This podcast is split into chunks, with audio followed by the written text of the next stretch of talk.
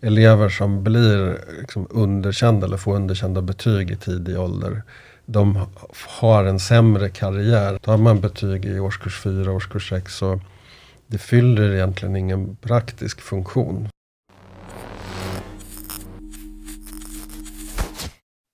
Hej och välkomna till ännu ett avsnitt av Orotalks härifrån Örebro universitet.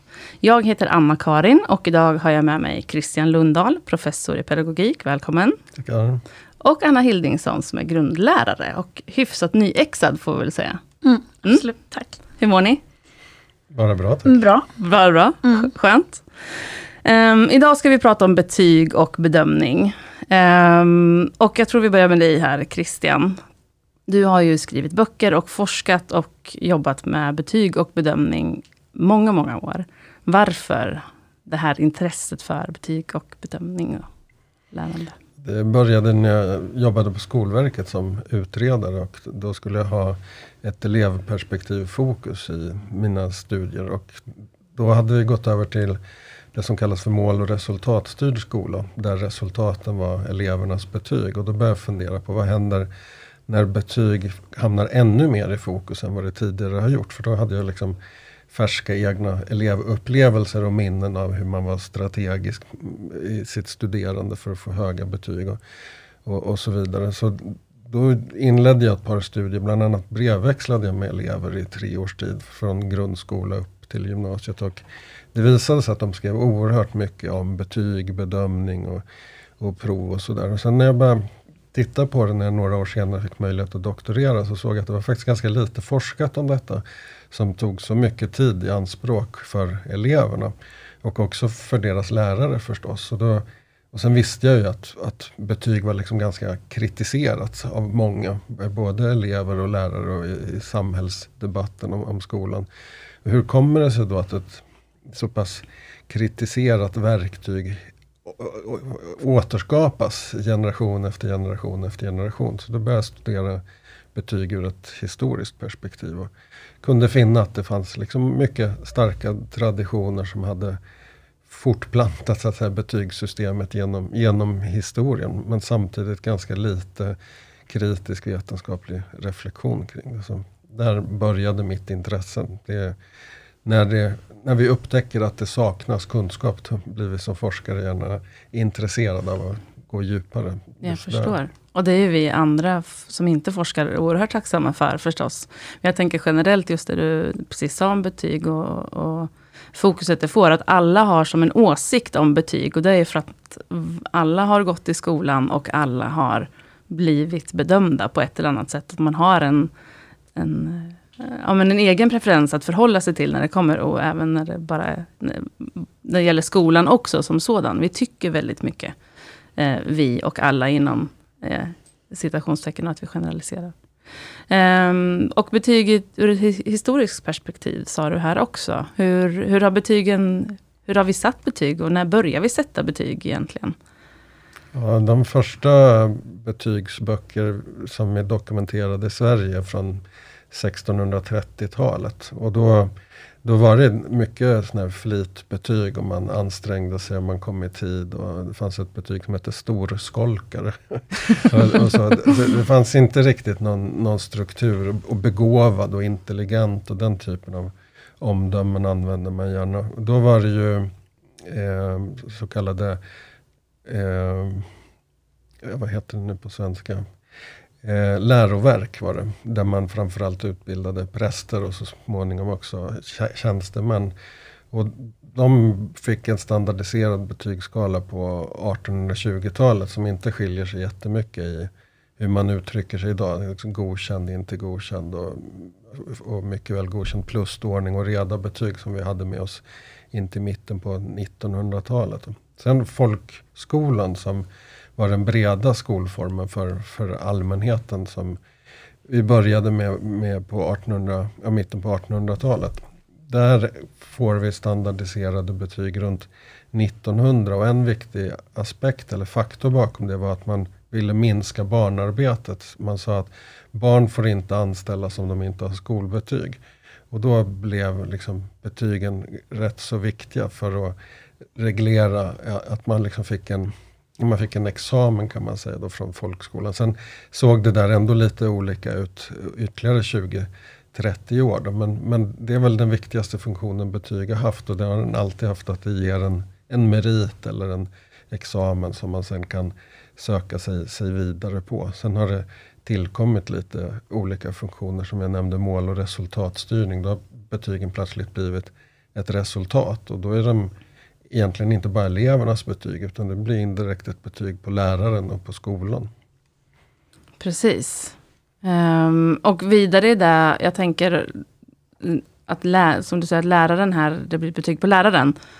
Och det blir ju en Alltså lärarens roll är ju subjektiv på något sätt. Att sätta betyg här, för att läraren är ju en individ. Mm. Precis som, Precis. som Anna här. Alltså vi har bra dagar och vi har dåliga dagar. Och vi har, hur gärna vi än har en systematik för att sätta betyg. Och för att göra olika bedömningar i olika ämnen. Så är det ju, det är ju till syvende och sist en person, en riktig människa. Så hur förhåller man sig i det där, tänker jag? Lärarens roll och kontra systematiken för att göra bedömningar. Ja, det man brukar säga som kan vara bra med betyg, ofta är betyg faktiskt lite bättre än om man bara har ett enskilt prov som ett högskoleprov. Och det är det för att lärare sätter betyg baserat på väldigt många observationer under lång tid. Och de kanske allra bästa betygen är gymnasiebetyg där det är många lärare som har varit inne. Och då kan enskilda lärare ha sagt, satt för högt eller för lågt betyg. Men i, i snitt så speglar de liksom ganska bra vad eleven kan. Men förutsättningen för att det ska bli bra är att det sätts baserat på mycket underlag och gärna helst av, av flera lärare. Då kan man tala om ett ganska så rättvisande eh, resultat. Ja, ganska så rättvisande. Det går aldrig att få det helt rättvist? Eller vad? Nej, det, det skulle krävas otroligt många mätpunkter. Man brukar säga att om ett prov ska vara rättvist så behöver man pröva samma kunskaper ungefär 6-7 gånger. Mm. Och då genomsnittsprestationen på de 6-7 prövningarna är ungefär till 90% rättvisande. Så att helt objektivt mätbart kommer aldrig att kunna kunna, kunna bli. Eh, då skulle man få pröva enbart. Och då, det, skolan har ju så många uppdrag så att man måste hitta någon, någon slags balans och göra det bästa man kan för att undvika avarterna. Jag förstår. Här håller du med Anna, eller? Ja, absolut. Eh, man kan ju inte basera ett betyg på bara en bedömning. Mm. Ju mer underlag man har, desto bättre och säkrare betyg kan man ju sätta. Absolut. Precis. Mm. Det, under din lärarutbildning, fick du med dig någonting kring det här? Hur man ska tänka kring betyg och bedömning? Och eh, ja, vi pratade ju om det, absolut. Men jag tyckte att, tyckte att det var väldigt svårt redan då när de la framför oss olika, här är ett exempel på ett A-betyg. och då var det kanske en skriven text. Och här är ett exempel på ett C-betyg. Men det är ju väldigt, väldigt abstrakt. Så man kan ju inte riktigt peka på exakt vad det är för någonting som sätter betyget. Och sen så var det ju kanske just bara det här som den eleven hade skrivit. Men det behöver ju inte säga att nästa text eleven skriver är på exakt samma nivå. Utan den kan ju vara en helt annan typ av text som eleven kanske har en svårighet för att skriva. Då hamnar du på en helt annan nivå.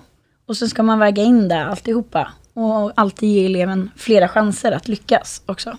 Mm. Så att eh, det blir så rättvist som möjligt. Ja. Precis. Mm. Eh, och då tänker jag direkt också på, det här kanske är eh, grundkunskaper för alla, jag vet inte, men just med den formativa och den summativa bedömningen. För det är ju, eh, nu när du säger att man behöver flera mätpunkter, och det är väl det som är i den, i den formativa bedömningen då, tänker jag, eller? Ja, formativ bedömning är, det är kontinuerlig. Det kan vara feedback, coaching, observationer som man gör under klassrummet som gör att man får eleven att förändra sitt beteende. Men också att man som lärare kanske ser att ja, det här kan inte eleverna. Då får jag anstränga mig lite mer eller lägga lite mer tid på det här. Och den så kallade summativa bedömningen det är framförallt betygssättning i, i slutet på ett, ett, ett, ett läsår. Då. Mm. Eh, ett prov i slutet på ett arbetsområde kan också anses vara, vara en summativ bedömning. Där syftet egentligen är mer att ja, få mer, ge meriter eller att liksom jämföra elever. Inte så mycket för att utveckla dem. Sen går de här två syftena i, i realiteten ofta ihop. Då. Mm. Vad, hur, hur, kan man se, hur, hur reagerar elever på betyg? Tycker, tycker eleverna om att få betyg? Och är det positivt eller är det, fungerar det negativt utifrån stressnivåer och prestation och sådana här frågor? Alltså det, det, finns ju det finns vissa studier som visar att betyg är den feedback en människa kan få som skapar flest starka känslor. Och de känslorna kan vara både positiva och negativa. Det positiva kan vara att man mm. känner att man, man lyckas, man är duktig, man får en liten belöning för hårt nedlagt arbete. Och så här.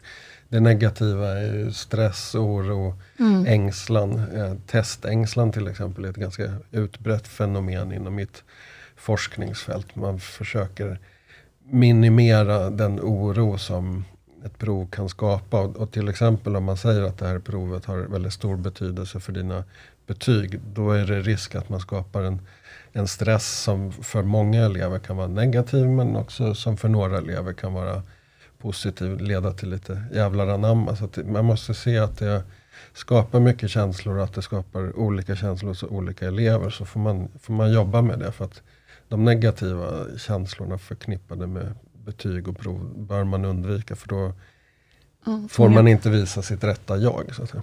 Är det något du känner igen också, ja, Anna? Oh ja, mm. verkligen. Och precis som eh, Christian säger så är det ju att eh, säga att någonting kommer att vara betygsavgörande gör ju att eleverna får en större stress och mer prestationsångest kan man väl nästan uttrycka det som.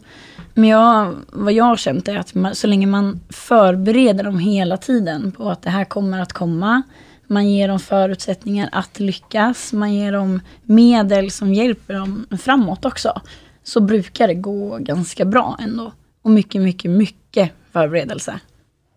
Men det här måste ju vara en hårfin balans. Mm. Just att, att låta de som blir triggade av att det är eh, avgörande eller betygsgrundande.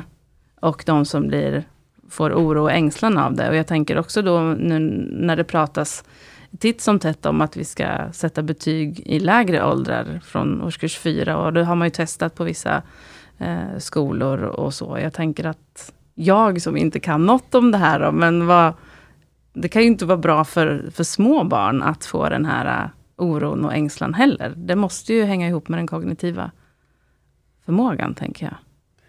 Jag tror att dels så kan det skilja sig väldigt mycket i liksom, utvecklingsnivå bland yngre barn. Och, och, då för de som inte är mogna för betyg och bedömning så kan det bli väldigt negativt. Och det finns studier som pekar på det. att elever som blir liksom underkända eller får underkända betyg i tidig ålder, de har en sämre karriär än elever som inte alls fått betyg.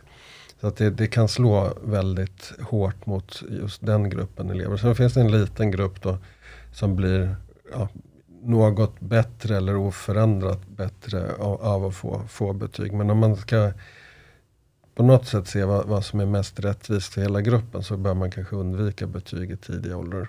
Jag tycker att betyg ska man liksom ha där det spelar någon roll och fyller en funktion. Och tar man betyg i årskurs 4, årskurs 6 så det fyller egentligen ingen praktisk funktion. För de åtgärder som behöver sättas in för elever som inte hänger med, de har lärarna satt in ändå. Mm. Lärare ser det på massvis med andra sätt. Så man behöver egentligen inte betyg för att argumentera för extra, extra åtgärder.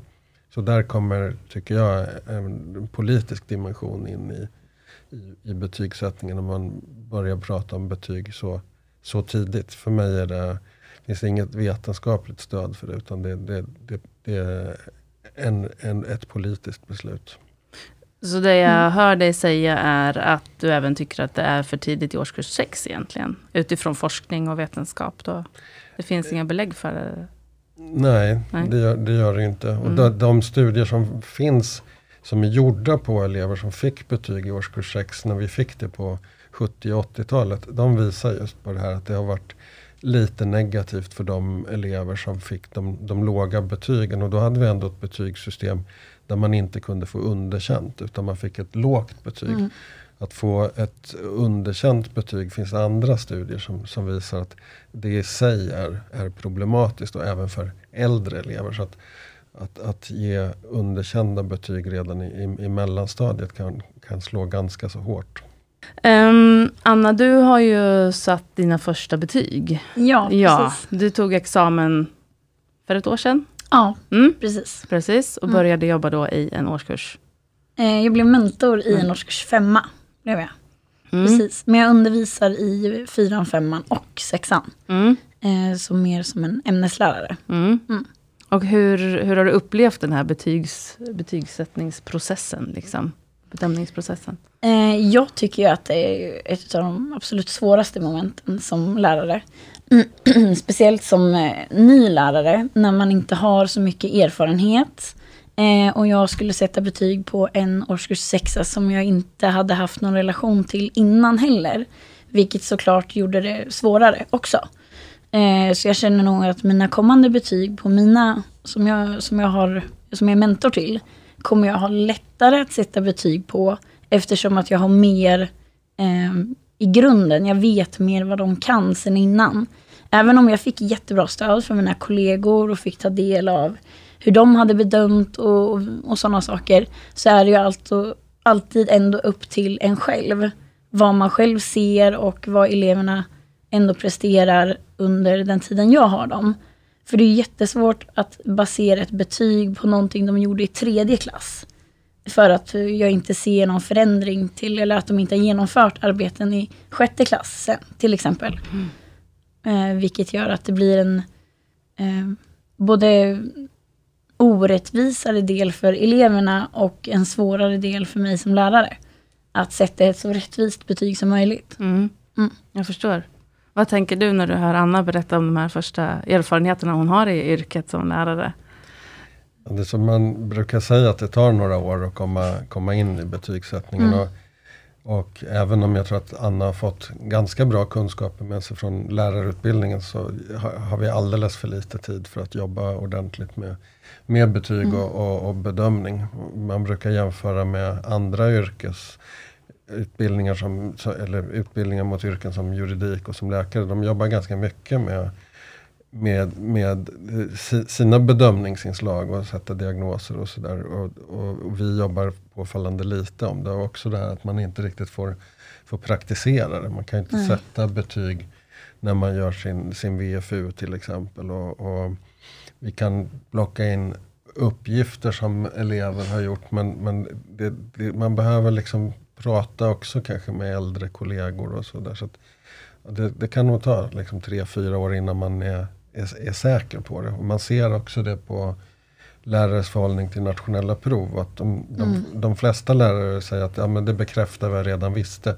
Men det är framförallt lärare som har jobbat lite. De 25 procent som inte säger så, de är då ganska nyexade lärare. Eh, så det, det, tar ett tag. Men det är som att lära sig alltså bedöma bra viner eller viners kvalitet. det, det krä, krävs också lite övning och, och prövning. Och, och, och, det viktiga är dialog med kollegor. Att man, mm. att man inte bara har sig själv som referenspunkt utan att man får andras referenspunkter. Det är mm. viktigt. Jag förstår. Um, om vi går tillbaka till det betygssystemet vi har idag, eller går tillbaka, men vi plockar upp det. Um, är det ett bra system vi har idag? Kan man säga så? Eller finns det bättre? Och hur skulle ett bra betygssystem se ut egentligen? Ja, vad tycker du Anna? Ja, vad tycker du? Eh, det är ju väldigt... Eh, alltså när man läser på betygskriterier så är det ju väldigt ospecifikt. Det är extremt tolkningsbart. Jag kan tolka det nästan lite hur jag vill. I princip. Vilket gör det, lägger ett väldigt stort ansvar på lärare att tolka så rätt som möjligt. Men ändå finns det inget som är rätt. Eh, så att det är ju mer som en, ja, som en mall som kanske egentligen borde eh, fyllas i lite. Skulle jag nog uttrycka det som. Ja, du skulle underlätta om det inte fanns så mycket tolkningsutrymme, tänker Ja, du? Mm, precis. mm, Precis så. Mm.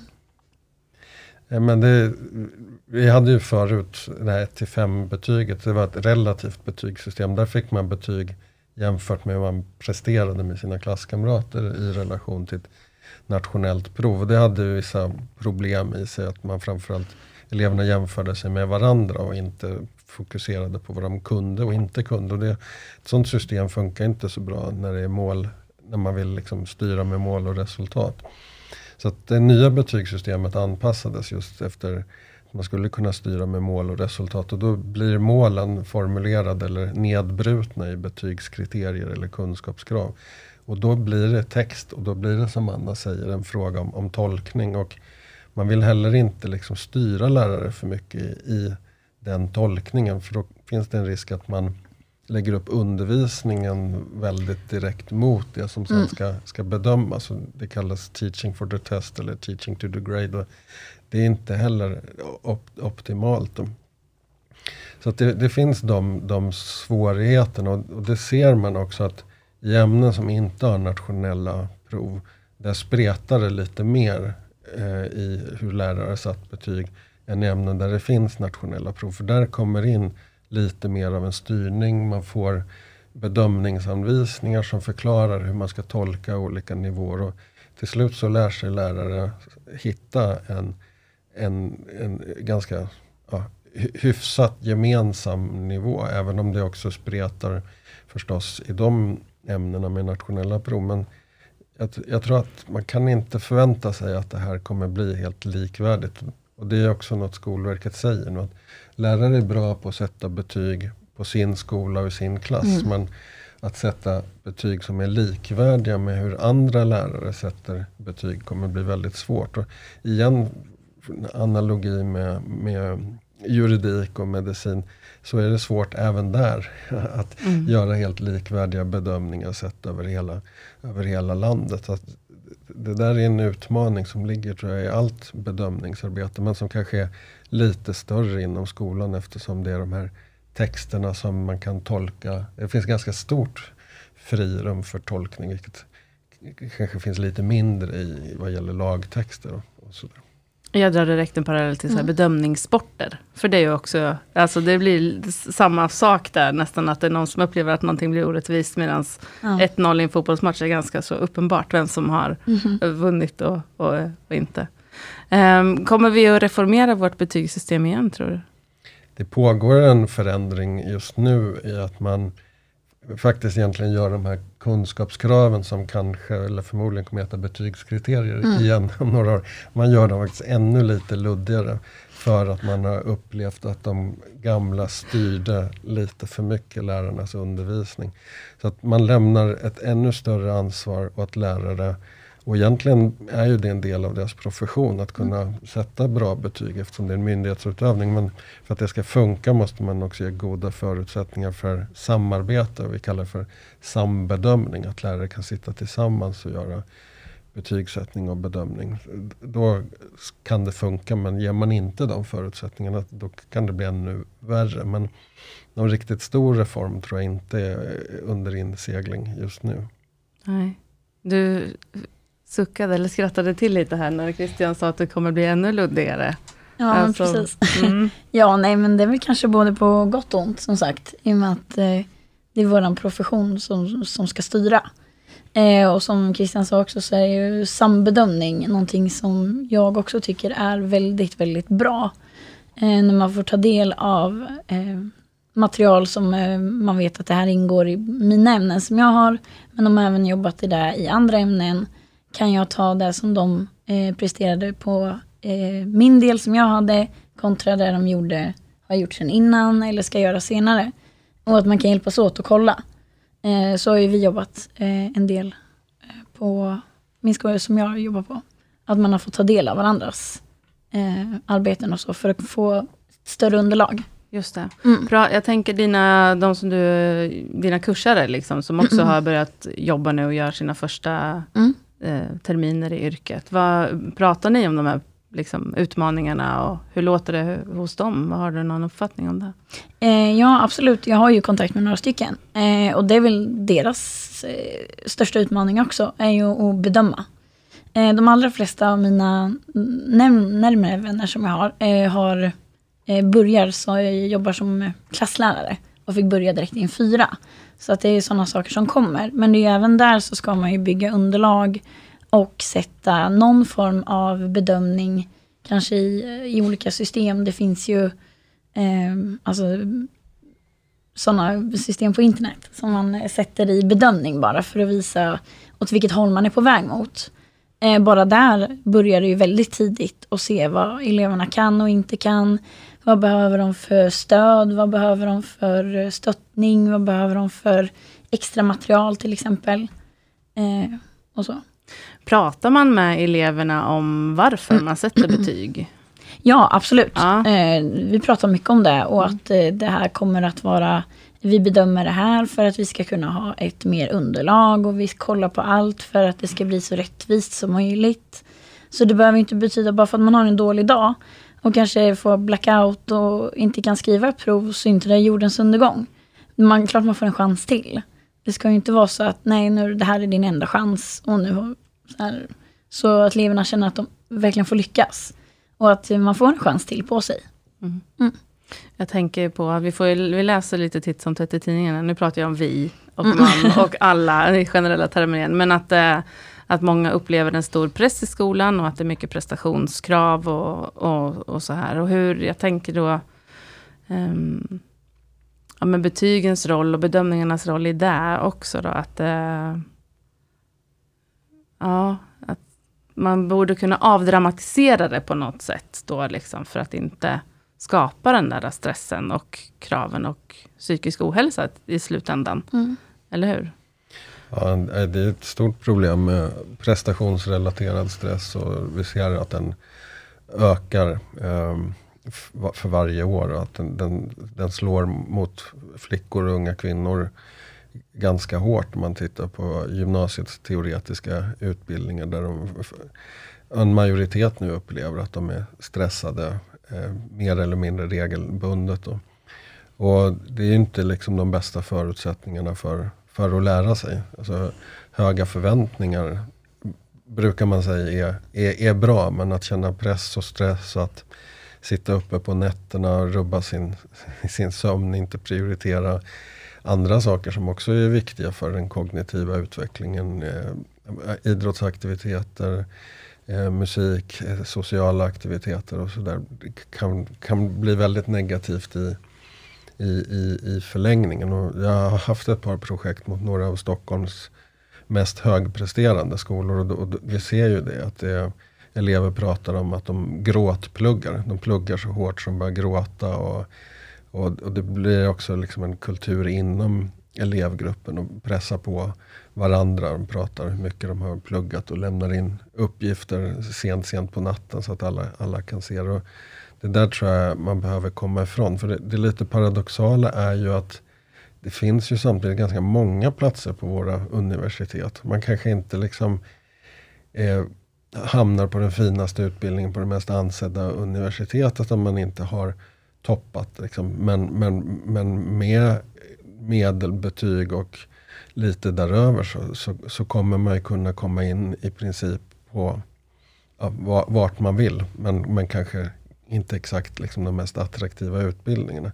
Och jag, jag tror att det är viktigt att man förstår i gymnasiet att hela ens liv hänger inte riktigt på att vilken utbildning jag, jag kommer in på nu. Det är viktigt att gå vidare. Sen kan man ju liksom ta sig eh, vidare in, inom den högre utbildningen. Man kan komplettera med högskoleprovet. Och så. Men jag tror att för en del ungdomar så har de en föreställning om att har jag inte högsta betyg i, i allt, då är livet förstört. och och, och det, den signalen måste vi ge dem. Att det, det, finns ganska många bra sätt att gå, gå vidare också med, med betyg som inte är de allra, allra högsta. Och, och att det är viktigt att verkligen tänka på vad jag är intresserad och vad vill jag jobba med snarare än liksom vad, vad är meritmässigt mest sett attraktivt. Låta det ta, ta lite tid. Men det där är ja, det, det är ett växande problem. Jag tror i, i slutändan så slår det tillbaka på utbildningen självt i det att kunskaperna inte blir lika bra och att individerna inte blir, blir hållbara. Man sliter ut sig på gymnasiet och orkar liksom inte fortsätta leverera på universitetet. Nej, jag tänker att det blir inget, inte det vi kallar för livslångt lärande. När man pluggar på det där sättet. Nej. Så är min egen erfarenhet att man lär sig för stunden och sen så försvinner det så fort man går ut från provtestsalen. Liksom. Um, så att det skapar verkligen inte några bra uh, grunder för att lära sig. För, för att komma ihåg det och inte bara för att skriva rätt svar. Liksom. Du kallar dem för prestationister. Ja, jag har skrivit en artikel som, och det är ett begrepp som är baserat på en, en bok som heter Anonyma prestationister som handlar lite grann om det beteendet och vad som händer när det följer med också ut i, i, i arbetslivet. Och, och, det är ju en liksom ganska mm. snabb, snabb väg mot, eller säker väg mot utbränning. En del kommer förstås klara sig men, men uh, har man den typen av alldeles för höga krav på sig själv och där kraven får ett egenvärde. Det är egentligen inte för att jag ska få alla kunskaper som ligger bakom de goda prestationerna utan det är prestationen i sig är det enda som, som betyder något. Då, då, då blir lärandet inte hållbart. Och det här har man ju också sett i idrottsrörelser att om man bara jobbar mot de högsta prestationerna precis hela tiden då, då håller inte kroppen. Och man behöver hitta en bra balans i hur man hur man tänker kring prestation, träning och, och att liksom ta fram när det verkligen gäller och att kanske inte ligga på högsta nivå exakt hela tiden. Så det är en del av ja, coachingen som, som lärare behöver göra med, med elever också. Och som jag vet sker idag i, i mentorsamtal. Och, mm. och så man försöker, liksom, som vi var inne på innan, avdramatisera och, och, och, tona ner. Men, men det är, elever sätter bra press på sig själva och sen finns det föräldrar mm. som sätter väldigt hög press på sina barn också. Mm. Precis, så är det. Mm. Du håller bara med, du känner igen det Christian ja, pratar om. Mm. Absolut, dels från, alltså från när man själv gick i skolan och eh, vad jag ser nu också. Så är det ju, nu är precis så det är. Jag tänker, för att runda av det här lite grann här Anna, finns det någonting som du har lärt dig nu under din första tid, som du önskar att du hade vetat innan du började som lärare? Någon kunskap du har, eller någon erfarenhet du har blivit rikare? Eh, jag har säkert blivit väldigt många erfarenheter rikare, eh, absolut. Men jag tror att det man väl kan sätta fingret på är ju alltså hur viktig del man faktiskt gör hos eleverna, vilka spår man sätter. För det jag gör och säger och lär mina elever nu sätter ju spår för hur de kommer att tycka och känna och ha relation till eh, dels mina ämnen men också till skolan framåt. Ju, fler, eh, ju mer stöd och förutsättningar och hjälp och allt vad vi kan göra och ju rättvisare bedömning vi gör också, eh, desto större förtroende kommer man ju ha sen till skolan framöver också och vilket, vilka spår man faktiskt sätter, att de är väldigt viktiga. Mm. hade jag nog inte ens funderat över just när jag pluggar fortfarande. Utan det kommer i kappen nu, liksom, när man har dels jobbat ett år och när man har sina mentorselever och, och ser hur de utvecklas, verkligen. Värdefullt arbete, kan jag tänka mig att det känns som. Ja, ja. absolut. Ja. Mm. Har du några slutord, Christian? Någonting du vill skicka med Anna, eller skicka med mig, eller våra tittare? Ja, men jag tyckte Anna beskrev så bra tidigare också. Att det gäller att förbereda eleverna. Att ha mycket det här som man kallar för metasamtal om hur skolan går till och då i synnerhet kring betyg och bedömning. För det, det kan hjälpa till att, att avdramatisera. Det kan hjälpa dem att förstå vad det, vad det här handlar om. Och, och, och särskilt i de, de lägre åldrarna så är mognadsnivån så, så olika mellan elever. Då får man inte mm. underskatta värdet av, av det arbetet. Så jag har inget att, att skicka med. Men jag tycker att har kommit till väldigt goda insikter i, i det här svåra, den svåra delen av, mm. av yrkesrollen som det här är. Mm. mm. Stort tack för att ni kom hit idag, Anna och Christian. Och vi ses en annan gång i ett annat Orotalks, hoppas jag. Ha det bra, hej då!